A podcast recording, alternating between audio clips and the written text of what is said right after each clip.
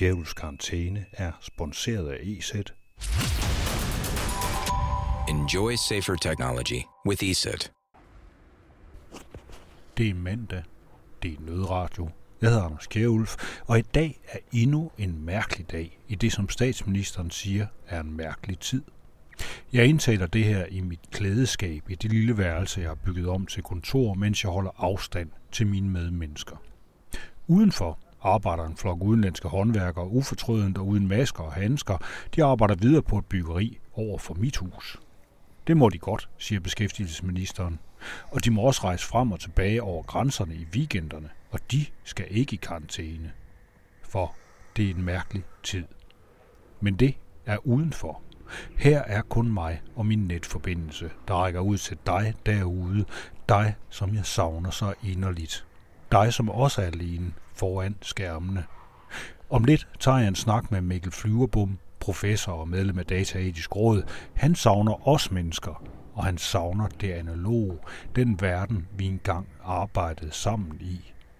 Men først nyheder fra Nødradios digitale overdrev. More bad news.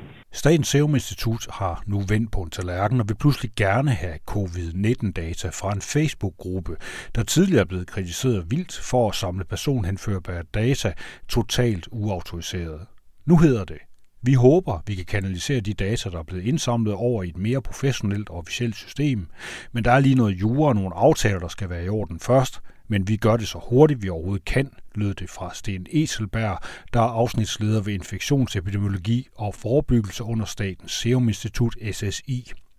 Holdt bag den Facebook-side, det er en patientorganisation, der hedder James Lind Institute, der driver patientfællesskabets forskningspanelet i Danmark, det skriver politikken. Lederen her af det her forskningspanel, han hedder Henrik Vincent, og han mener, at den nye metode, et spørgeskema, er helt i overensstemmelse med GDPR. Det følger Nødradio op på i morgen, men indtil videre nøjes jeg med at undre mig over, hvorfor man skal aflevere sin mailadresse for at kunne deltage. Det er der i hvert fald ikke meget anonymitet over. Men måske er det heller ikke meningen. Det er jo en mærkelig tid. I USA vil man samle alle bevægelsesdata på borgernes telefoner, skriver Wall Street Journal. Planen er for over 500 byer med dataindsamling, så man kan se, hvor der er hotspots, hvor for mange mødes. Det foregår gennem CDC, den amerikanske pendant til SSI, der angiveligt har tilsvarende planer. Data skal være anonyme, siger CDC, som altså står for Center for Disease Control, eller de skal være pseudonymiseret, men anonym og pseudonymiseret, det er ikke det samme. USA's privatlivsorganisationer, de er bekymrede. For det er ikke kun telefonselskaber, der skal bidrage. De største bidragsyder er nemlig app-industrien, der igennem lang tid har haft næsen langt nede i vores mobile spor, som regel uden at sige noget om det først. En privatlivsaktivist og researcher med det inciterende navn, Wolfie Crystal, siger, at hele industrien bag apps, dem der hugger ens placering og sælger den videre, nu laver covid-washing af deres produkter, altså hæver den skumle metode med at hugge folks lokationsdata og placering og hæver den til noget godt. Vi følger med herhjemmefra. Og nu til Mikkel Flyverbom, professor på CBS og medlem af Dataetisk Råd, og manden bag en klumme i politikken betitlet Danmark vil så gerne være førende inden for digitalisering. Coronaen har vist os bagsiden af den ambition. Her er han, Mikkel Flyverbom, fra sit hjemmekontor over Skype. Enjoy safer technology with ESET. Her i telefonen, der har jeg fat i øh, Mikkel Flyverbom, som er professor på øh, Copenhagen Business School og medlem af Dataetisk Råd. Uh, grunden til, at jeg ringer til dig, det er, fordi du har skrevet en tech-klumme i politikken, som handler om, at vi jo pludselig står i en verden, hvor vi kigger ind i hvad det her digitalisering egentlig vil sige, fordi det er jo noget, vi har snakket om gennem mange år, vi skal digitalisere, vi skal foran, men udgangspunktet for det her, det er, at nu står vi lige pludselig midt i den her digitalisering. Hvad er dit billede af, hvordan, hvordan ser den ud, når vi nu pludselig er i den hele tiden? Jamen det er jo spændende, fordi vi pludselig øh, har en meget, meget konkret øh, erfaring med, hvad det vil sige at øh, arbejde digitalt fra morgen til aften og øh, have børn, der øh, går i skole via digitale te- teknologier, og vi kører forelæsninger og masse møder og den slags. Så de der lidt mere abstrakte forestillinger om, hvad digitalisering skal være og kan bidrage med osv., bliver pludselig utrolig håndfast i den her situation. Så det er jo et oplagt sted at allerede nu begynde at reflektere over, øh, hvad det så er for et arbejdsliv, vi får, og hvad det er for et øh, skoleliv, vi får, når, når øh, det hele bliver digitalt. Jeg kan faktisk også, vi kan jo så netop sige, at øh, vi sidder og taler sammen på en Skype-forbindelse. Den er i hvert fald en konsekvens af det. Den lyder ikke skide godt, men vi prøvede lige før med nogle, øh, nogle mikrofoner, det bliver det ikke meget bedre af. Så det er, den her, det, det er jo nogle ting, vi også er nødt til at lære at leve med, øh, hvis tingene ellers skal fungere i de her sammenhæng. Hvordan, er, hvordan ser dit liv ud i øjeblikket? Sidder du også derhjemme hele tiden, eller går du på arbejde? Jeg sidder derhjemme, og vi, øh, jeg har to kurser på CBS, øh, som vi kører gennem øh, en online platform, så det er, jeg sidder og optager videoer med PowerPoint og øh, laver øvelser til de studerende og alt muligt materiale, som kan fungere, selvom vi ikke kan mødes i et auditorium. Så det er jo sådan noget, man øh, for et par uger siden slet ikke tænkte på var en mulighed, at man ikke skulle møde sine studerende osv. Så, videre. så det er jo øh, helt klart en, øh, en anden måde at skulle arbejde på. Jeg synes også, jeg kan høre lyden af, at du taster samtidig med, at du taler. Kan det være rigtigt? Nej, det gør jeg ikke. Jeg tror bare, det er mit skrivebord, der rasler lidt. Dit ah, skrivebord rasler? ja. ja. Men altså alt det her, noget af det, jeg selv har oplevet, jeg sidder jo også derhjemme lige i øjeblikket her, og, på min, øh, i mit, øh, jeg har lavet et nyt kontor simpelthen i dagens anledning. Øh, men alt det her bøvl med, hvordan, hvordan virker dit hjemmekontor så nu, hvor det pludselig er noget, du skal bruge hele tiden? Jo, men det er jo rimelig intermistisk. Altså som du kunne høre lige før, så øh, er mikrofonindgangen ikke særlig god på min computer, og øh, internetforbindelsen er nogenlunde, men øh, er også udfordret nogle gange osv. Så, videre. så, så det kan jo godt være, at vi på mange måder har systemerne på plads. Altså at vi har Skype, og vi har en øh, bærbar computer, og den kan optage lyd og video osv. Men øh, vi er jo ikke helt gearet til at øh, ligesom skulle køre hele vores arbejdsliv øh, af den her vej. Og det er jo også fordi vi langt hen ad vejen, mange af os foretrækker at arbejde på andre måder. Men man kan vel også sige, at det her, altså der, der er jo mange lige nu, der siger, nu er det nu dem, der er glade for digitalisering øh, og synes, det er, er vejen frem. Så siger man, nu er det nu, vi får det testet, nu kommer det til at virke. Der har også været røster frem inden for undervisningssektoren, som siger, nu er det måske, nu kan vi endelig springe alt det her bekymring noget over, nu kan vi rigtig få tingene prøvet af. Er det ikke en meget spændende tid lige nu så, hvad det angår? Det er da en super spændende tid, og jeg synes, øh, det er et oplagt tidspunkt både at blive bedre til at arbejde digitalt, for der er jo masser af ting, der øh, giver mening at gøre af den her vej og så videre, men det er jo også et øjeblik, hvor vi kan reflektere over, hvad det så er, vi mangler, altså hvad er det, vi savner ved den, øh, det arbejdsliv, vi havde før, hvor vi havde større frihed, og vi kunne øh, vælge, om vi ville lave en video, eller møde op i et auditorium og mødes med de studerende, eller øh, sende vores børn i skole, eller øh, give dem, lade dem leve med fjernundervisning osv. Så, videre. så jeg synes, det er et oplagt tidspunkt, til at reflektere over, over de her muligheder og også begrænsningerne ved digitale tilgange. Så jeg synes egentlig ikke, der er så meget behov for at tale for og imod, men mere sådan, hvad er det så, det betyder i praksis? Altså, hvad er det, vi oplever, og hvad er det, vi øh, får ud af det, og gør, hvad er det, der er muligt? Men hvad er det også, der på en måde øh, mangler i den, i den ligning? Som du siger, det er et godt tidspunkt at sidde og reflektere over det. Hvad, hvad, hvad er dine refleksioner på nuværende tidspunkt? Mine refleksioner, som jeg også prøver at øh, udtrykke i, i tech-klummen, det er jo det her med, at vi, øh, som jeg sagde lige før, måske ikke behøver at tale så meget om for og imod teknologi, fordi selvfølgelig skal vi have teknologi. Vi har, kan ikke forestille os noget samfund, der har udviklet sig uden teknologi. Men vi kan jo begynde at stille nogle spørgsmål til dels, øh, hvor værdifuldt det er at arbejde digitalt. Altså hvad er, også, øh, hvad er det, vi savner, som jeg sagde lige før.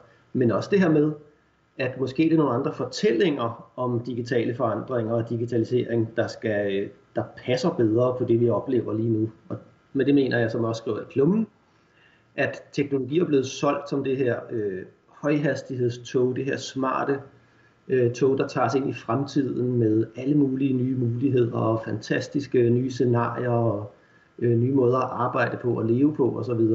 Og det, jeg tror, de fleste oplever i praksis, er noget ganske andet. Altså sådan en relativt skrabet, lidt sølle version af et arbejdsliv, hvor, øh, hvor alle nuancerne, eller mange af nuancerne forsvinder, og mange af, af de ting, der også gør et arbejdsliv fantastisk, øh, kan ikke rigtig være med, og kan ikke øh, transmitteres gennem digitale teknologier. Så i stedet for at tale om digitalisering som det her tog til fremtiden, så skulle vi måske tale om det som sådan en form for sikkerhedsnet, et eller andet, der kan træde til, når, når, øh, når de mere, hvad skal vi sige, øh, værdifulde eller mere nuancerede måder at arbejde på ikke, ikke kan lade sig gøre. Og det er jo ikke den fortælling, som øh, har, har formet diskussionerne om digitale forandringer, for eksempel i Danmark den, det der blandt andet har været den store fortælling, det har været den store sådan, disruption-drøm om, at nu bliver alting øh, anderledes og smukt og glitrende, og vi får alle sammen nye telefoner, og vi skal alle sammen være skabende og, og gøre nye ting, og vi skal helt holde op med at arbejde, som vi gjorde før. Kan man, hvis man bruger sådan lidt det var et ord, der lige faldt mig ind, kan man sige, at digitaliseringen er blevet proletariseret, kan man sige, at, vi, at vi, det, det pludselig viser sig, at vi bare er nogle tasterarbejdere, der sidder derhjemme og som skal bruge noget teknologi, som så i virkeligheden måske ikke altid lever op til vores forventninger. Ja, jeg synes i hvert fald, det er vigtigt, at, øh, at øh, jeg tror at også, det kunne være en måde at ligesom slippe ud over de der lidt øh, hårde diskussioner, der er lige nu, om vi skal have teknologi eller ej, altså det her for og imod og så videre, som fylder meget i sådan noget tech-diskussioner og så videre. Jeg tror på en måde, at hvis man øh, fortalte om digitalisering på lidt mere øh, afdæmpede måder, altså som, som det her sikkerhedsnet, som den her, det her alternativ til, til øh, et, øh, et mere rigt arbejdsliv osv. Så kunne man måske komme, komme lidt ud over den der øhm, diskussion om, om det vi skal have teknologi eller ej. Så jeg synes helt klart, at, at den her situation lige nu viser på den ene side, at digital teknologi kan løfte os igennem en situation som den her, og at vi faktisk kan holde gang i øh, de studerendes undervisning, og de fleste øh, arbejdspladser kan holde fast i en eller anden form for øh, fremdrift osv. Men det er jo også vigtigt, synes jeg, at holde, holde fokus på, at det er et, øh, et fattigere alternativ end, øh, end de arbejdsformer, vi, vi havde for bare 14 dage siden. Så det du siger, det er, at hvor det før ligesom var, øh, i hvert fald for nogle øh, parters vedkommende, en gevinst i sig selv, at digitalisere noget, fordi det per se var bedre end det, vi lavede før, så er noget af det, som den her krise, den øh, tydeliggør, det er, at øh, det er virkelig altså det er godt, øh, hvad skal man sige, som du kalder det, et sikkerhedsnet, men det er det var ikke op til øh, det virkelige, altså den måde, vi virkelig godt kan lide at arbejde, og godt kan lide at, at leve. Altså kan du give, hvad, hvad er det, vi savner mest lige nu? Jeg tror, de fleste savner alt det, der øh, ikke kan komme med på en Skype-samtale, altså øh, alle de lidt mere uformelle samtaler, det her med at møde nogle for, møde, mødes, mødes med folk på gangene og tale om ting, som man ikke har planlagt at tale om. Og øh, hele det her med at øh, se, hvor svært det er for mange børn også at, at følge med i undervisning, og for mange lærere det er at have den der kontakt med børnene, som de øh, normalt har i et klasseværelse osv. Så, videre. så der er jo, det er jo, altså vi taler i sådan medieteori, taler om sådan noget med, øh, fattige og rige medier, og der tror jeg bare, det er tydeligt med de her øh, digitale teknologier, at de jo ligesom skraber tingene ned til noget ret minimalt osv. Så, så min pointe er sådan set, at vi bare skal huske på, at øh, vi kan sagtens installere en masse digital teknologi, og de kan hjælpe os i situationer som den her. Men måske skulle vi ikke tænke på det som, at vi ligesom skulle fjerne det eksisterende, øh, når vi digitaliserer. Så det har vi også, og det er også noget, du selv har, øh, har talt om, altså det her med, hvorfor skal vi fjerne øh, busplaner, som sidder på busstopstederne, når vi får en, en app, der kan, der kan give adgang til de ting. Fordi så, så er man jo dybt afhængig af, at der er batteri på ens telefon, for eksempel, når man står og venter på den bus. Så i sådan lidt bredere forstand, så skulle vi måske tænke på digitale teknologier som et eller andet, der var et ekstra lag, et sikkerhedsnet nedenunder det det vi allerede har, men ikke noget, der ligesom skal erstatte en masse øh, eksisterende, såsom det eksisterende arbejdsliv, vi har, de eksisterende måder at lave undervisning på, eller få adgang til en busplan for eksempel. Jeg kunne godt forestille mig, at der sidder nogle arbejdsgiver derude nu, som tænker, det her, det kører jo egentlig ret godt. Og så er jeg fri for at have folk siddende på en dyr kontorplads inde i byen, Øh, jeg kan ovenikøbet holde meget præcist øje med hver enkelt medarbejder, hvor meget vedkommende ligesom præsterer. Øh, og måske kan jeg ovenikøbet ved at sidde og kigge ned over det her, så kan jeg måske endda sige, at der er faktisk ikke nogen grund til, at jeg har en medarbejder til det her. Det er der nogle andre, der kan lave. Eller man kan måske ovenikøbet forestille sig, at man kan sige, at det her det kan udliciteres eller laves om til løst freelance arbejde for nogle folk, der kan sidde i Indien eller hvor som helst ellers. Øh, tror du, Altså, øh, tror du virkelig, at, tror du ikke, at, det, at vi risikerer, at det går den anden vej, altså i forhold til det, du siger der, altså at man faktisk siger, at det her, det, øh, det er fikst. Lad os fortsætte med det. Jo, og den, den, den øh, bekymring kan man sagtens have, men jeg tror også de fleste, det kommer selvfølgelig an på, hvad det er for noget arbejde, vi taler om, men øh, arbejde, der ligesom har en eller anden faglig dimension og øh, kræver øh, en form for ekspertise og erfaring osv., den, kan, den er jo svær at øh, bare erstatte med noget, øh, en tjeneste, du, du køber et eller andet sted lidt hurtigt, eller nogle folk, du hiver ind i nogle timer for at løse det for dig.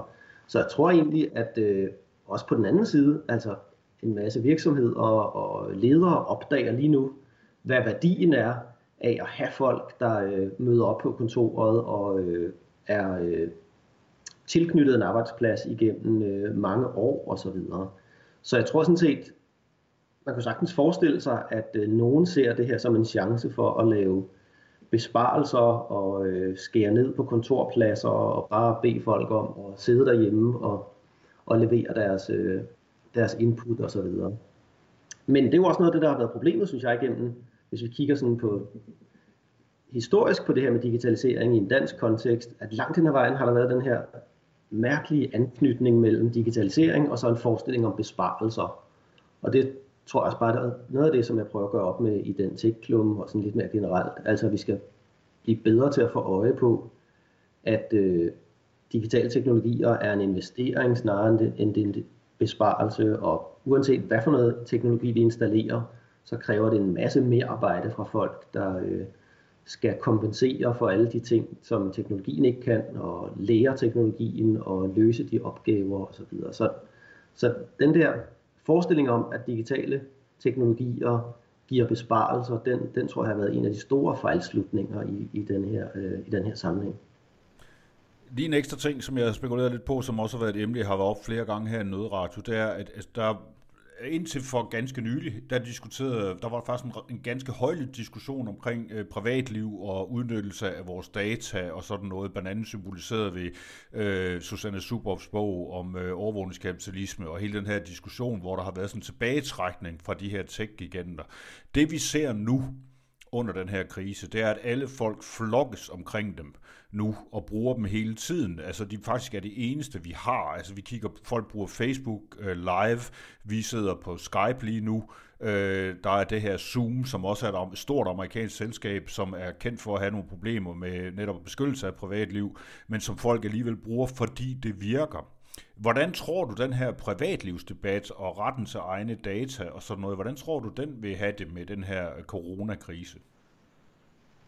Jamen, den diskussion har det jo relativt dårligt i sådan nogle krisesituationer. Altså, jo mere at der er panik og øh, behov for hurtige løsninger osv., jo længere flytter de der spørgsmål om privatliv og etik og, og ja, hvad det er for nogle vilkår, man får de tjenester på, de flytter i baggrunden. Så det er også noget, vi ser lige for tiden, synes jeg, at folk parkerer alle de der kritiske spørgsmål om privatliv og om, øh, hvad det er for nogle tjenester, de bruger osv., fordi at man har, har bare brug for, for, for det, der virker, som du selv siger. Og det er jo, jeg tror, at de spørgsmål vil vende tilbage, og de vil igen komme til at fylde en del, men lige nu er det som om, at de er blevet parkeret, øh, og de fleste bare har fokus på at finde noget, der virker. Og det kunne man måske også tage med, altså måske skulle vi sørge for at have nogle systemer, der virkede på plads, som også havde en eller anden, øh, et fokus på beskyttelse af privatliv og et fokus på en eller anden form for ansvarlighed osv. Men, men øh, der er vi ret langt fra lige nu, synes jeg. Vi mangler en digital beredskabsplan. Absolut. Og den kunne for eksempel have inkluderet, altså det her tilfælde, der har vi har jo ikke, undskyld, Øh, vi mangler jo i den grad også, hvad skal man sige, nogle statslige alternativer til de her store, eller i hvert fald nogen, som er til at stole på i de her sammenhæng. Jo, jo, og det er jo ikke, at vi skal bygge en dansk version af Facebook eller sådan noget i den stil, men man kunne godt tænke i, at der skulle være nogle øhm, digitale infrastrukturer, som bare var på plads. Altså at vi på en måde tænkte digitalisering som en del af, af andre velfærdsydelser, at alle folk havde en, øh, nogenlunde stabil videoforbindelse, eller en, øh, som du også selv har nævnt nogle gange, tror jeg, måske skulle vi også have en e-mail, som bare var god og solid og øh, sikker og så videre. Og, og det er jo også noget, der på en eller anden måde er, er blevet øh, glemt i de her diskussioner. Altså måske skulle vi tænke på digitalisering som en øh, sådan kerne velfærdsydelse, som, som staten på en eller anden måde skulle levere, øh, i hvert fald i nogen, nogen dimensioner af det. Her mod slutningen, der spekulerer på, hvad savner du mest i forbindelse med det her? Jeg savner øh, altså noget, som jeg jo ikke sådan, måske sat helt så meget pris på, som jeg skulle have gjort for 14 dage siden, og bare have et auditorium på CBS, hvor jeg kunne gå hen og mødes med mine øh, 40 studerende, som øh, starter her om 20 minutter, starter deres kursus. Øh, sådan noget vil jeg ønske, at jeg bare kunne øh, gøre igen, altså øh, møde op der, tale med dem, øh, spørge til deres, øh, hvordan det havde været at læse teksterne til dag og, og den slags. Og sådan noget som at have, selvfølgelig, sociale relationer, som øh, går ud over de allernærmeste osv. Den slags. Jeg synes det værste, det er, at man pludselig øh, befinder sig i en verden, hvor man er nødt til at opfatte alle sine medborgere som potentielle smittekilder. Jeg synes, det ændrer ens forhold til virkeligheden ganske voldsomt. Jo, jo, men der kan man jo bare sætte sig hjemme med sin skærm, og så øh, ikke tænke så meget på den slags, ikke? Det er udtryk, ja, som man, ja, det udtryk, man, øh, som du også lige nævner der i din, øh, din, din klumme, det er jo det der slogan for vores digitaliseringsstyrelse, det er fordi hverdagen er digital. Kan man sige, ja. at, at det vi kigger ind i nu, det er, at vi pludselig opdager, at det er den så i virkeligheden ikke? Altså, det var den i hvert fald ikke for 14 dage siden, eller tre uger siden, men øh, det er den jo langt hen ad vejen blevet. Altså, men det er jo også så et øjeblik, hvor man får øje på, at øh, når hverdagen er digital, så er den også relativt øh, begrænset i sine udtryksformer. Den er relativt øh, uinteressant og øh, mangler en masse af de facetter, som, øh, som en hverdag gerne skulle indebære. Så, så det er jo også derfor, jeg skriver i klummen, at det der slogan på en måde bliver lidt øh, gyseragtigt, når man så opdager, hvad det rent faktisk vil sige at leve i en øh, hverdag, der er mere eller mindre 100% digital.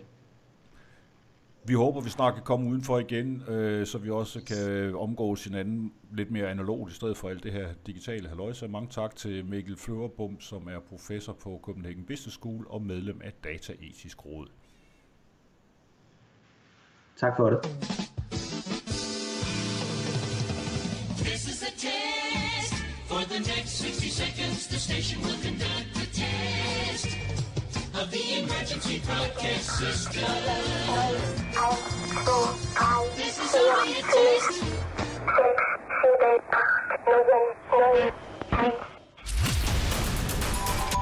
Enjoy safer technology with ESET. Det var, hvad det kunne blive til i Nødradio Kjærulfs karantæne i dag, og du må vente til i morgen med at få mere herfra. Hvis du har en historie eller et godt tip, så skriv til mig. Der står en mail under den her podcast. Du må også meget gerne optage en kommentar på din snart kraftigt overvågede telefon og sende den til mig. For eksempel via WeTransfer eller OnionShare eller Signal, hvad du nu bruger. Jeg svarer på 42 44 06 34. Jeg sender jer alle sammen store knus, kram og kys, for jeg savner jer, alle mine smukke medmennesker. Ha' det godt og pas på jer selv nu, hvor vi ikke længere kan passe på hinanden på andre måder end ved at holde os fra hinanden. Holde os for os selv, holde afstand, holde ud og holde af.